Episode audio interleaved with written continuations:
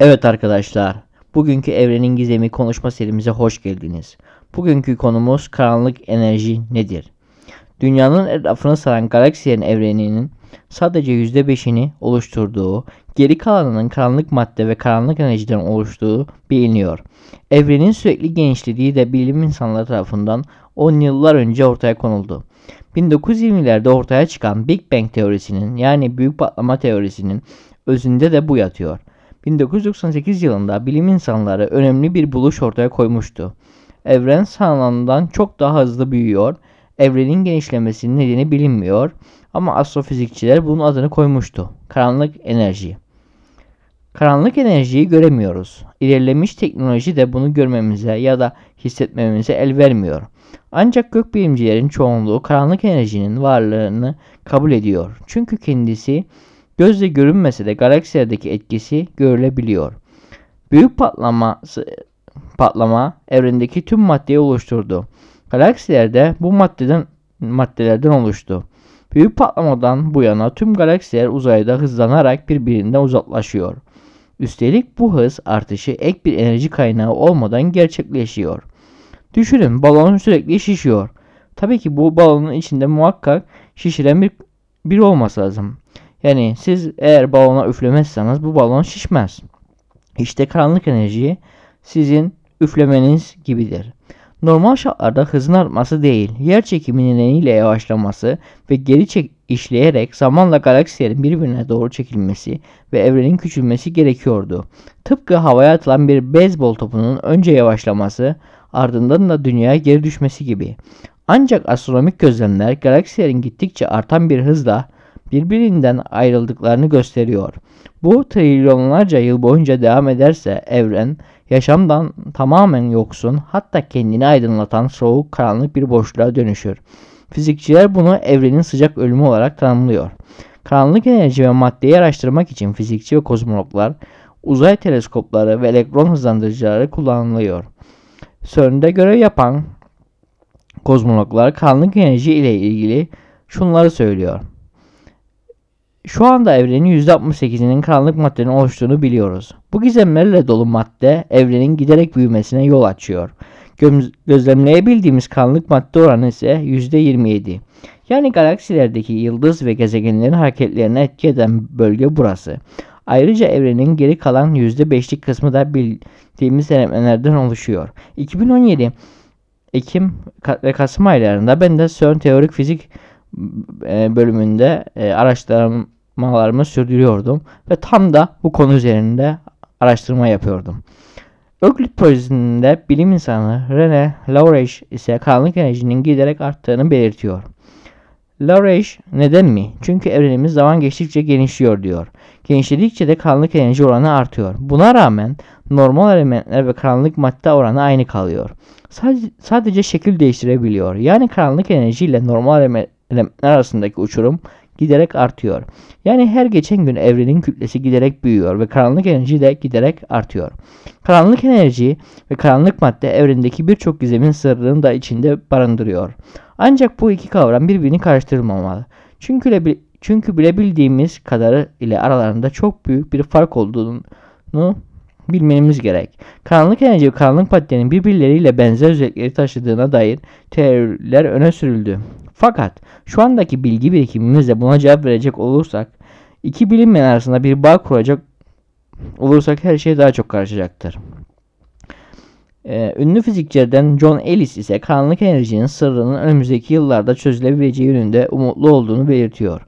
10 sene sonra durup şöyle diyeceğiz. Evet uzun bir aşama kaydettik ve karanlık maddeyi önümüzdeki yıllarda çözeceğiz. Ancak bunu olabilmesi için fizikçi ve kozmologların birlikte hareket etmesi gerekiyor. Ve diğer bir önemli e, bağlantı ise zamanın tek yönde akmasını sağlayan karanlık enerji mi? Çünkü bildiğimiz gibi zaman sadece ileriye doğru akıyor. Yeni araştırmalar karanlık enerjinin zamanın tek yönde akma nedeni olabileceğini söylüyor. Yeni bir araştırma karanlık enerji ile termodinamiğin ikinci kanunu arasında bir bağlantı buldu. Evrenin ivmelenerek genişlemesinin zamana yön verebileceğini düşünüyorlar. Uzun yıllardır fizikçiler evrenin genişlemesini sağlayan karanlık enerjiyi açıklamaya çalışıyorlar. Evrendeki toplam karanlık enerji miktarı hem sıradan madde miktarından hem de karanlık madde miktarından çok daha fazladır.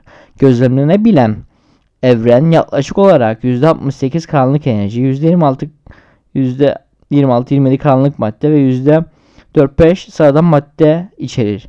Yer çekimi kütleleri bir arada tutarken karanlık enerji uzayı ileriye doğru itici gizemli bir güce sahiptir. Gözlemlenen evrenin şeklinin düz olması da karanlık enerjinin varlığına işaret eder. Bu yer çekimi kuvvetinin tersine doğru olan kuvvetin ya da negatif basıncın nedenini bulmak kozmoloji yani evren bilimi üzerine çalışan fizikçilerin yıllardır temel uğraşı olmuştur.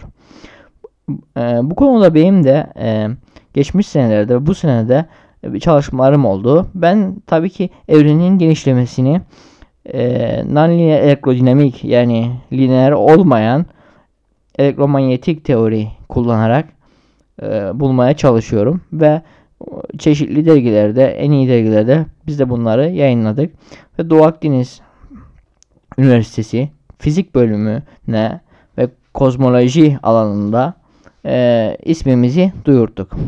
Şimdi evrenin genişlediği fikrini ilk başta Lemaitre ve Hubble ilk kez 1920'lerde ortaya attıklarından bu yana bilim adamları ve astronomlar evrenin genişlediğinin farkındaydılar.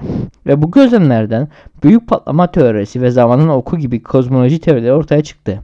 Eski evrenimizin kökenlerini ve evrimini ele alırken zamanın bir yönde aktığını ve uzayın genişlemesiyle bağlantılı olduğunu iddia eder. Bilim insanlar uzun yıllardır bunun nedenini araştırmaya çalışıyorlar. Neden zaman ileriye doğru ilerliyor ve geriye doğru değil? Stanford Teorik Fizik Bölüm e, Enstitüsü e, Başkanı Leonard Susskind ile e, iki sene önce orada ziyaretçiyken e, tartışırken e, bu konu üzerine de kafa yormuştuk ve e, karanlık enerjinin etkisi tek yönlü zamanın kalıcı bir özellik haline getirilebilecek ve zamanın ileri doğru akışına neden olabileceğini o da söylemişti. Tabi daha sonra bu yayında gördüm. Demek ki yani herkes aynı şeyleri aynı zamanda düşünüyor. Tabi bazıları icraata geçirip bunları makale olarak yayınlıyor. Bir topu havaya fırlattığınızda ilk başta yukarıya doğru hızlanmaya başlar. Ancak daha sonra dünyanın yer çekimi onu aşağıya doğru çekerken yavaşlar. Yeterince hızlı saniyede yaklaşık 11 kilometre denem denemesi bedava. Atarsanız size geriye dönmeyecektir ve uzaya çıkacaktır. Ancak dünyanın yer çekimi yüzünden hareket ettikçe yine de daha yavaşla, yavaş ilerleyecektir. 1990'lı yıllarda fizikçiler ve gökbilimciler büyük patlamanın ardından benzer bir şeyin oluşmasını bekliyorlardı. Bu olay her yöne doğru ve her yönden atıldı. Tıpkı dünyanın topu yavaşlattığı gibi evrendeki maddelerin toplamının da neden olacağı yer çekimi hepsini yavaşlatmış olmalıydı. Ama buldukları bu değildi. Bunun yerine her şey hızlanmış gibi görünüyor. Evrende dolaşan bir şey var. Yer çekimi her şeyi bir araya tutmaya çalışırken fiziksel olarak bundan daha hızlı dağılmış bir şey bu. Etkisi küçük fakat sadece uzaktaki galaksilere baktığımızda göze çarpıyor ama or orada biliyoruz. Buna karanlık enerji dediler. Çünkü kimse ne olduğunu bilmiyor.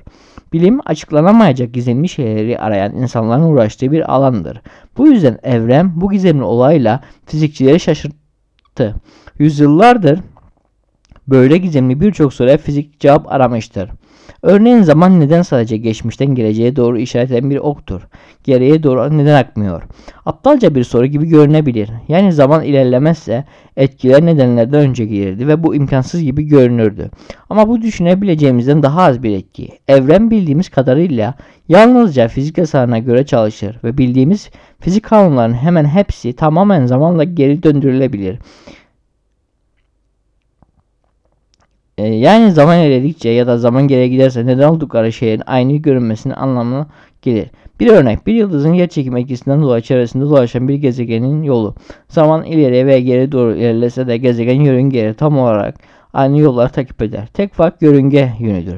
Fakat fizikte önemli bir kavram zamanla geri döndürülebilir değildir ve bu termodinamiğin ikinci esasıdır.